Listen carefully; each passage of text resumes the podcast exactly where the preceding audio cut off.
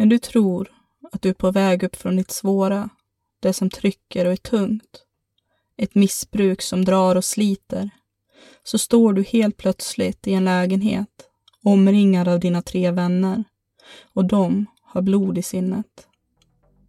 Det som händer dig i den lägenheten och senare när de ska gömma din sargade kropp är svårt att greppa runt.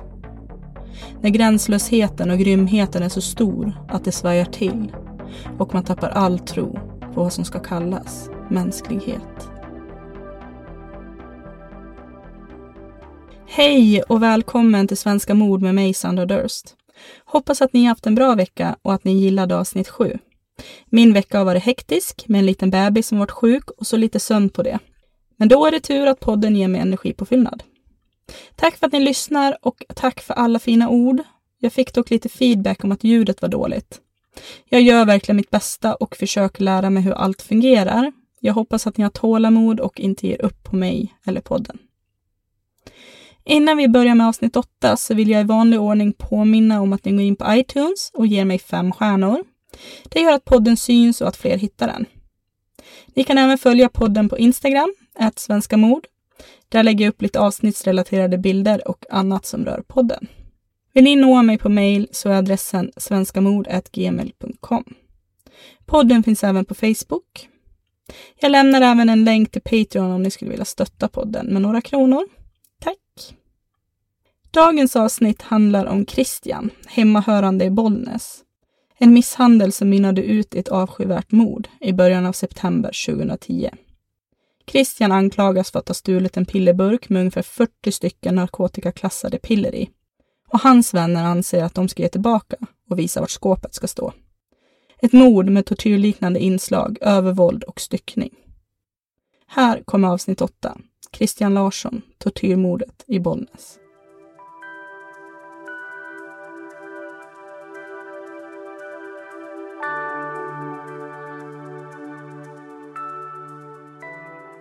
Polisen får in ett anonymt samtal den 11 september 2010 från en man. Vi kan kalla honom för Emil.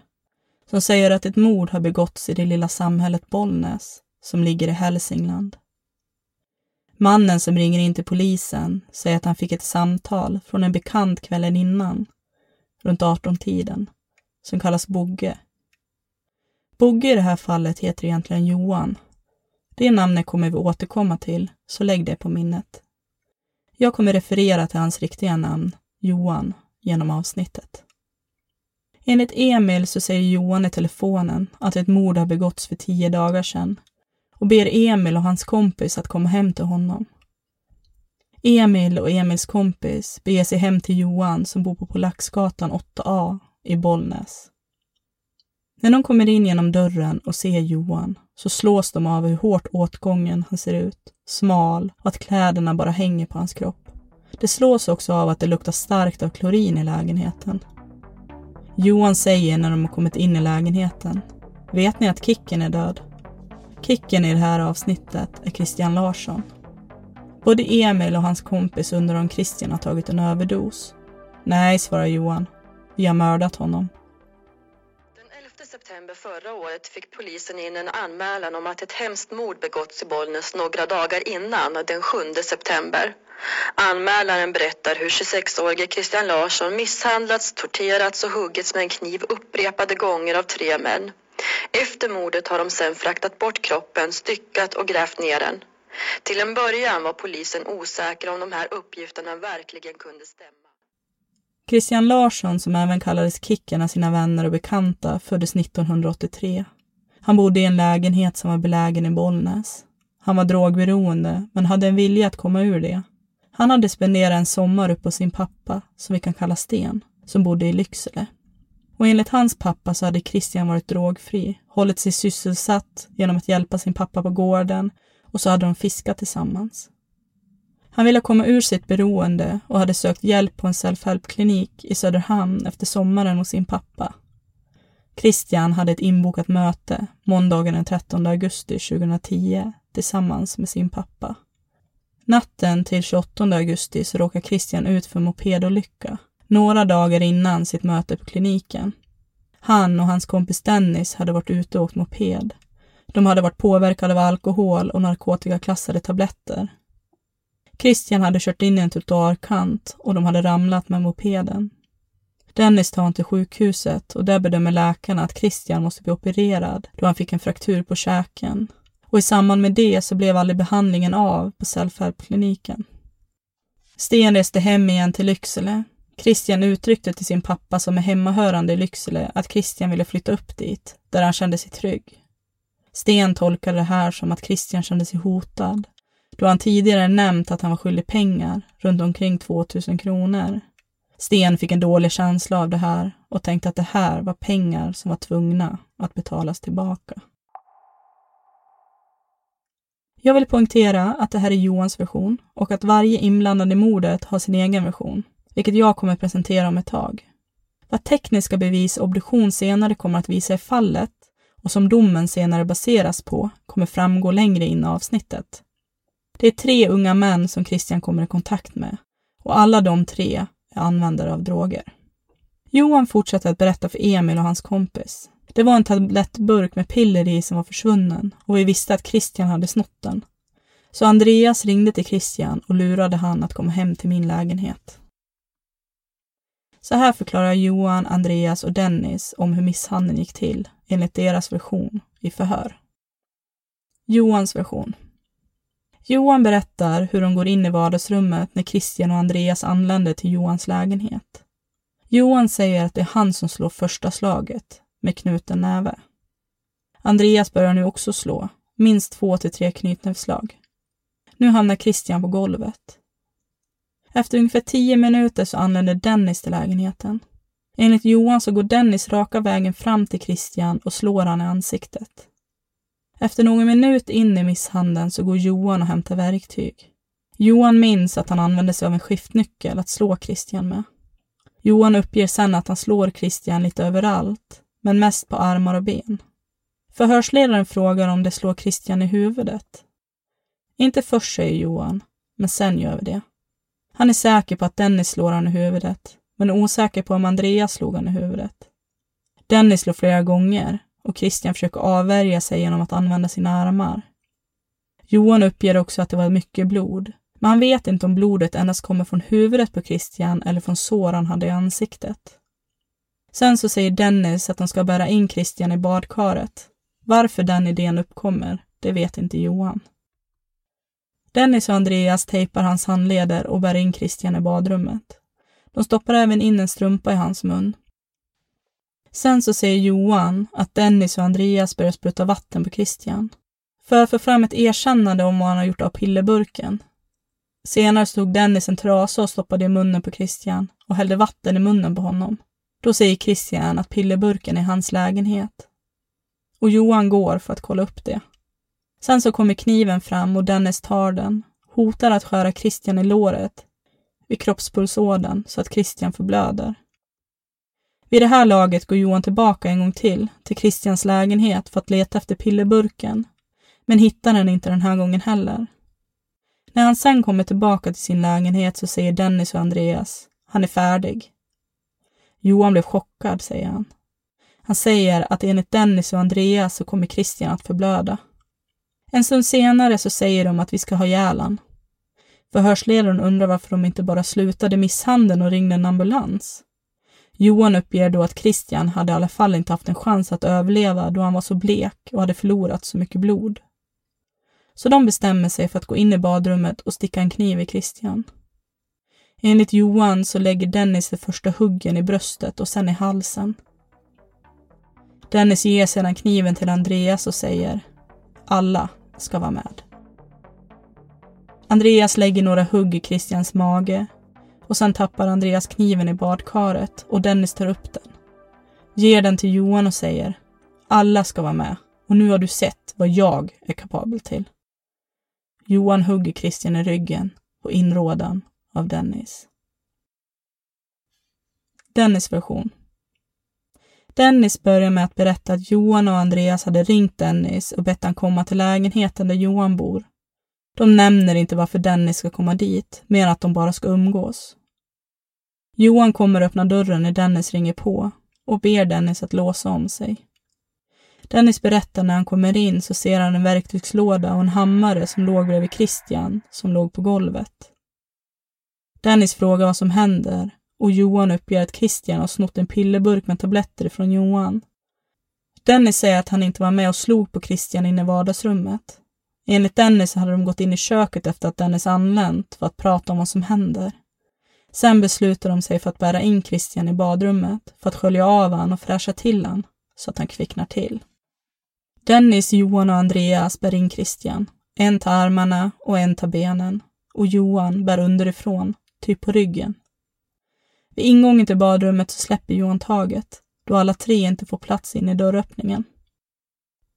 Sen så hjälper de Christian av med kläderna så att de kunde duscha av honom med duschslangen. Sen går Dennis och Andreas ut och Johan är kvar med Christian i badrummet. Johan står inne i badrummet och skriker och sen så springer han ut i badrummet in i köket och hämtar en kniv. Sen så börjar han hugga Christian i bröstet. Dennis och Andreas går in i badrummet och står och kollar på Christian. De ser att han inte andas. Sen går alla tre till köket och börjar resonera vad de ska göra med kroppen. Johan säger att kroppen måste ut härifrån. Dennis säger att det är Johan som har dödat Christian. Andreas version. Andreas berättar hur han ser Johan och Christian komma in i Johans lägenhet och så börjar Johan slå på Christian och då börjar Andreas slå också. Sen ramlar Christian ner på golvet och då fortsätter Johan och Andreas att slå. När Christian ligger ner så går Johan och hämtar verktyg, en hammare, och börjar slå på Christians knän så att han kan berätta vart pillerburken med pillren är. Andreas berättar att det är mycket blod på golvet och att Christian uppger att han inte vet vad pillren är. Andreas säger att han bara använder knytnävarna. Sen reser Christian sig när Dennis kommer till lägenheten. Dennis, Johan och Andreas står och pratar och sen när de har pratat färdigt så börjar Dennis sparka på Christian. Efter det så tar de Christian in i badrummet, klär av han, Johan och Dennis binder hans händer och fötter. Lägger han i badkaret och så börjar Johan spola kallt vatten på honom. Andreas uppger att Christian inte gör något motstånd, bara upprepar att han inte vet vad pillren är. Sen så tar Johan nyckeln hem till Christian och så går han och Dennis till lägenheten för att leta efter pillren. Och då blir Andreas kvar ensam med Christian. De pratar lite enligt Andreas. Bland annat att de kan släppa av Christian på sjukhuset och att han inte ska berätta att det var de som hade misshandlat Christian. Och det lovade han att han aldrig skulle göra. Johan och Dennis kommer tillbaka efter 20 minuter och då är Johan galen enligt Andreas och börjar slå Christian igen med hammaren på benen. Sen beordrar Johan Andreas att han ska gå tillbaka till Christians lägenhet för att kolla en andra gång efter pillren, då Christian sa att de ligger i hans lägenhet. Men Andreas hittar dem inte den här gången heller. Johan blir tokig igen och börjar slå Christian. Sen släcker Johan lyset i badrummet och alla tre går in i köket. Andreas föreslår att de ska köra Christian till sjukhuset, men Johan vägrar. Johan börjar istället prata om att mörda Christian. Andreas sa emot och sa, aldrig i livet, vi kommer åka fast. Men Johan tar en kniv, går in i badrummet och börjar hugga Christian med den. Andreas hör hur Christian skriker. Men då stoppar Johan en strumpa i munnen på honom och säger åt honom att hålla käften. Andreas ser blod och sår efter kniven överallt på Christians kropp. Andreas går sedan in i badrummet och ser att Christian andas först och sen blir det tyst. Christian är nu död. Han säger i förhör att han aldrig har stuckit Christian med någon kniv och det gjorde aldrig Dennis heller, enligt Andreas.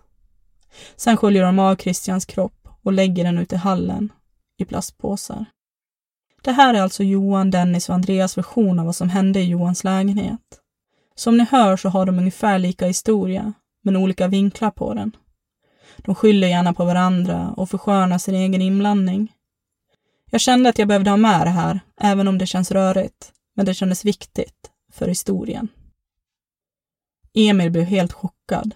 Han visste inte hur han skulle reagera efter vad Johan har berättat för honom. Emil frågar sin vän som var med honom hem till Johan om han visste om det här.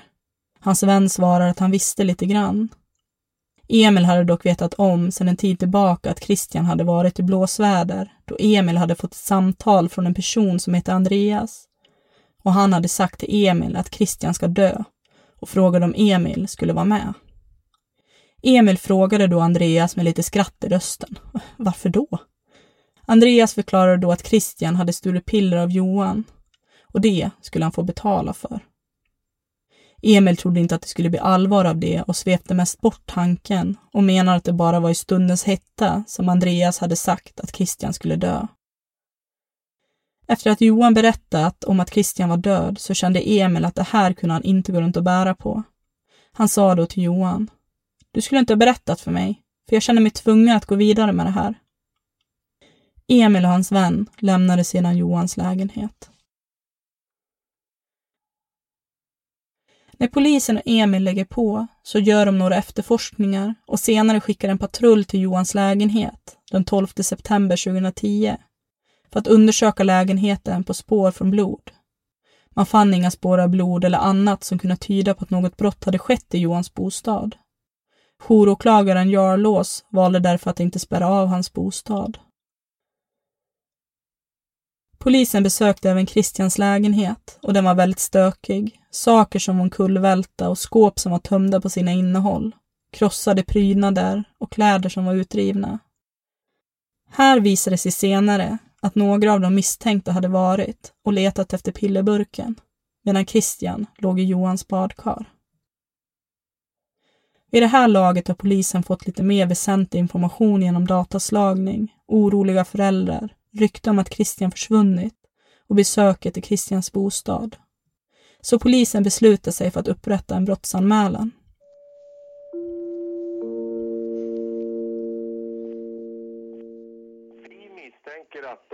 Alltså varit de sista personerna som kanske har varit tillsammans eller vet var 26-åringen befinner sig. Hur stora resurser har ni satt in för att uh, försöka hitta den här uh, Bollnäsbon som är försvunnen? Sen uh, vi fick kännedom om det här fallet då, på söndagen så har vi haft ett tiotal poliser inblandat. Men vi anpassar oss helt efter vad som det finns för behov att sätta in. Och, så vi kan förändra det här alltså så att vi kan plussa på också och förstärka grupper om det skulle behövas. Hur allvarligt ser ni på det här försvinnandet? Alla försvinnanden ser vi allvarligt på och uh, arbetar efter att försöka finna en plats så fort som möjligt där vi kan utgå för att leta efter vad är den sista angivna punkten vid försvinnande. Tekniker skickades senare också till Johans bostad för en andra kriminalteknisk undersökning. Man kunde knappt finna några spår då heller. Lägenheten var noggrant städad och badrummet var det som var renast. Men efter en väldigt noga undersökning så kunde man finna några väldigt små bloddroppar från Christian på ett vägguttag. Den 11 september 2010 valde man att anhålla Johan, Andreas och Dennis och sedan häkta dem. Först var de misstänkta för människorov då man inte kunde finna några spår efter Christian. Med tiden så framkom det mer bevis och rubriceringen kunde ändras till mord. Medan de satt på arresten så fick Dennis ett brev skickat till sig på häktet och det brevet verkar komma från en person som är medlem i ett gäng. Han skriver bland annat i brevet. Vi är med dig broder. Skriv vilken anstalt du hamnar på så fixar jag någon som backar dig där. Polisen vill mena att mordet på Christian handlar om ett inträdesprov till att bli medlem i ett gäng. Men jag kunde inte hitta något mer angående det här så jag valde att inte gå in och djupare på det. Förhör hålls med männen, men de nekar till brott man går ut efterlyst på TV3 och ber allmänheten om tips för att kunna hitta Christian.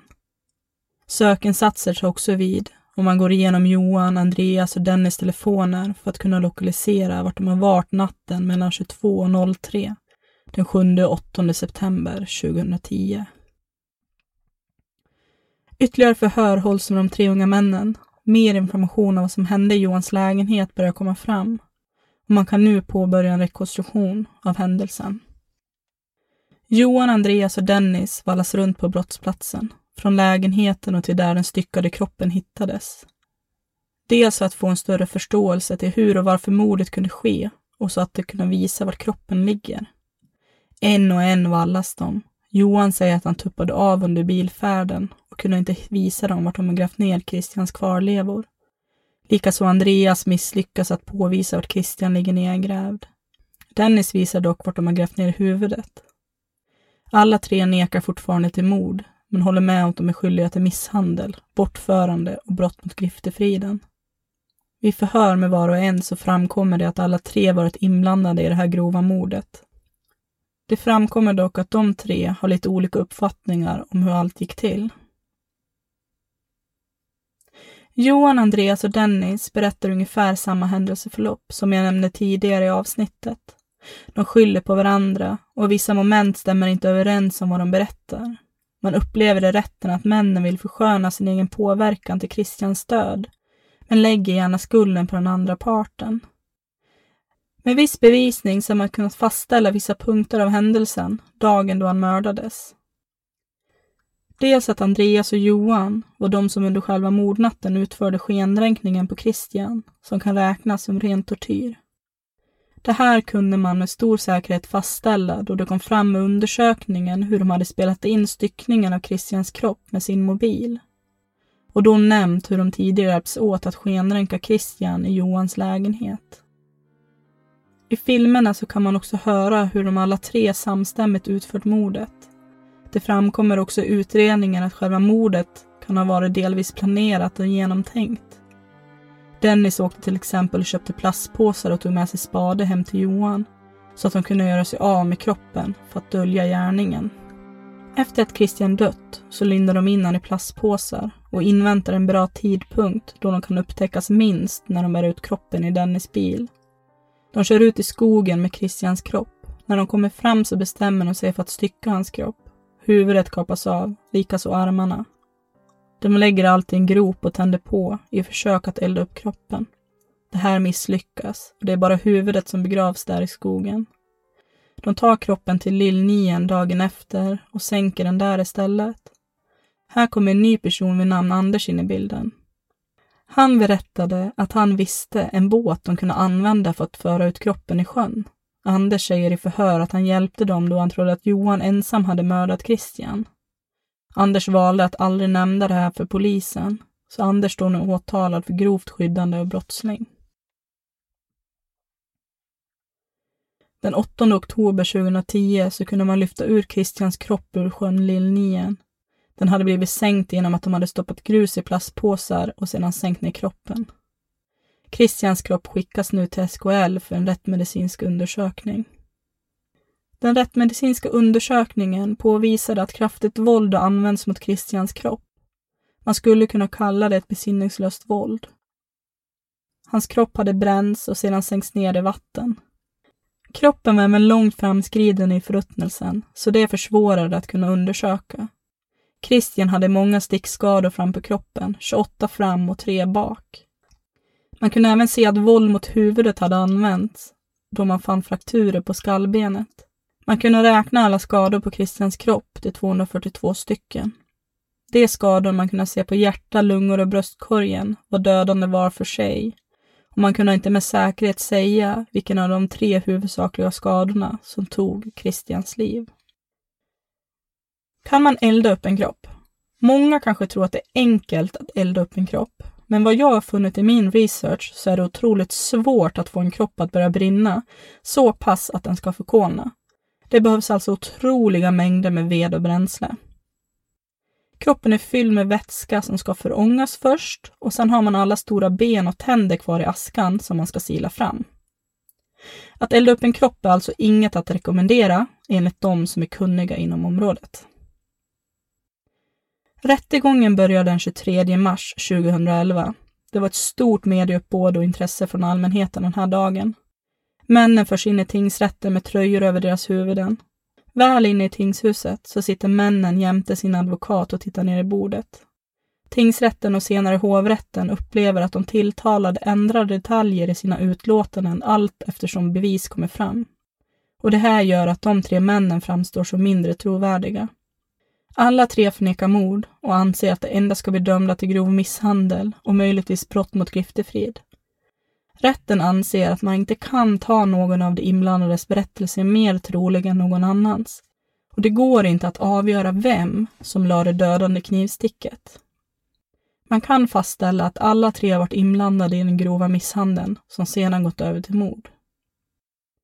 Delar av rättegången la man under sekretess då det var så starka bilder på Christians kropp och inspelade mobilfilmer som skulle visas att allmänheten fick lämna salen. I tingsrätten dömer man alla tre för mord. Andreas döms för mord och brott mot griftefrid. Han får tio år. Johan döms för mord och får elva år. Dennis döms för mord och brott mot griftefriden och får tolv år. Dennis får det högsta straffet då han tidigare under 2010 var dömd för ett brott och nu fallit åter i brottslighet. De tre unga männen väljer att överklaga och fallet hamnar i hovrätten. Här ändrar man och sänker Dennis påföljd till 11 år istället för 12 år.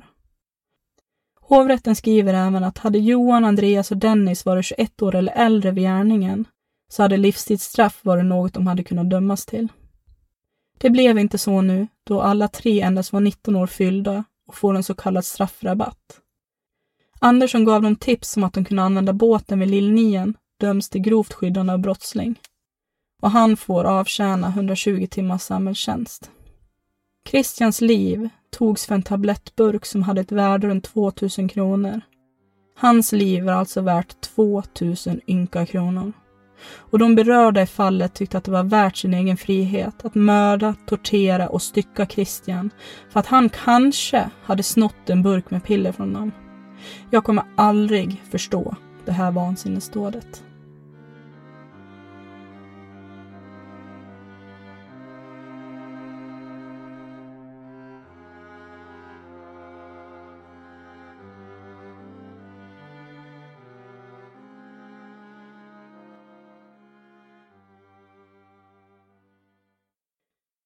Det var allt för den här veckan. Hoppas att ni tyckte om avsnittet. Skriv gärna till mig eller kommentera på Instagram eller Facebook. Just nu håller jag på att klura på om jag kan erbjuda er mer avsnitt per vecka. Då kommer det extra avsnittet vara så att ni kan välja att betala en mindre engångssumma för att få tillgång till det. Jag meddelar er här i podden om det blir så. Du har lyssnat på Svenska mord, en podd av mig, Sandra Durst. Lämna gärna fem stjärnor på iTunes eller dela med er av den till andra. Redigering av podden den här veckan står Linus Strandberg för. Tack så jättemycket Linus. Stay safe.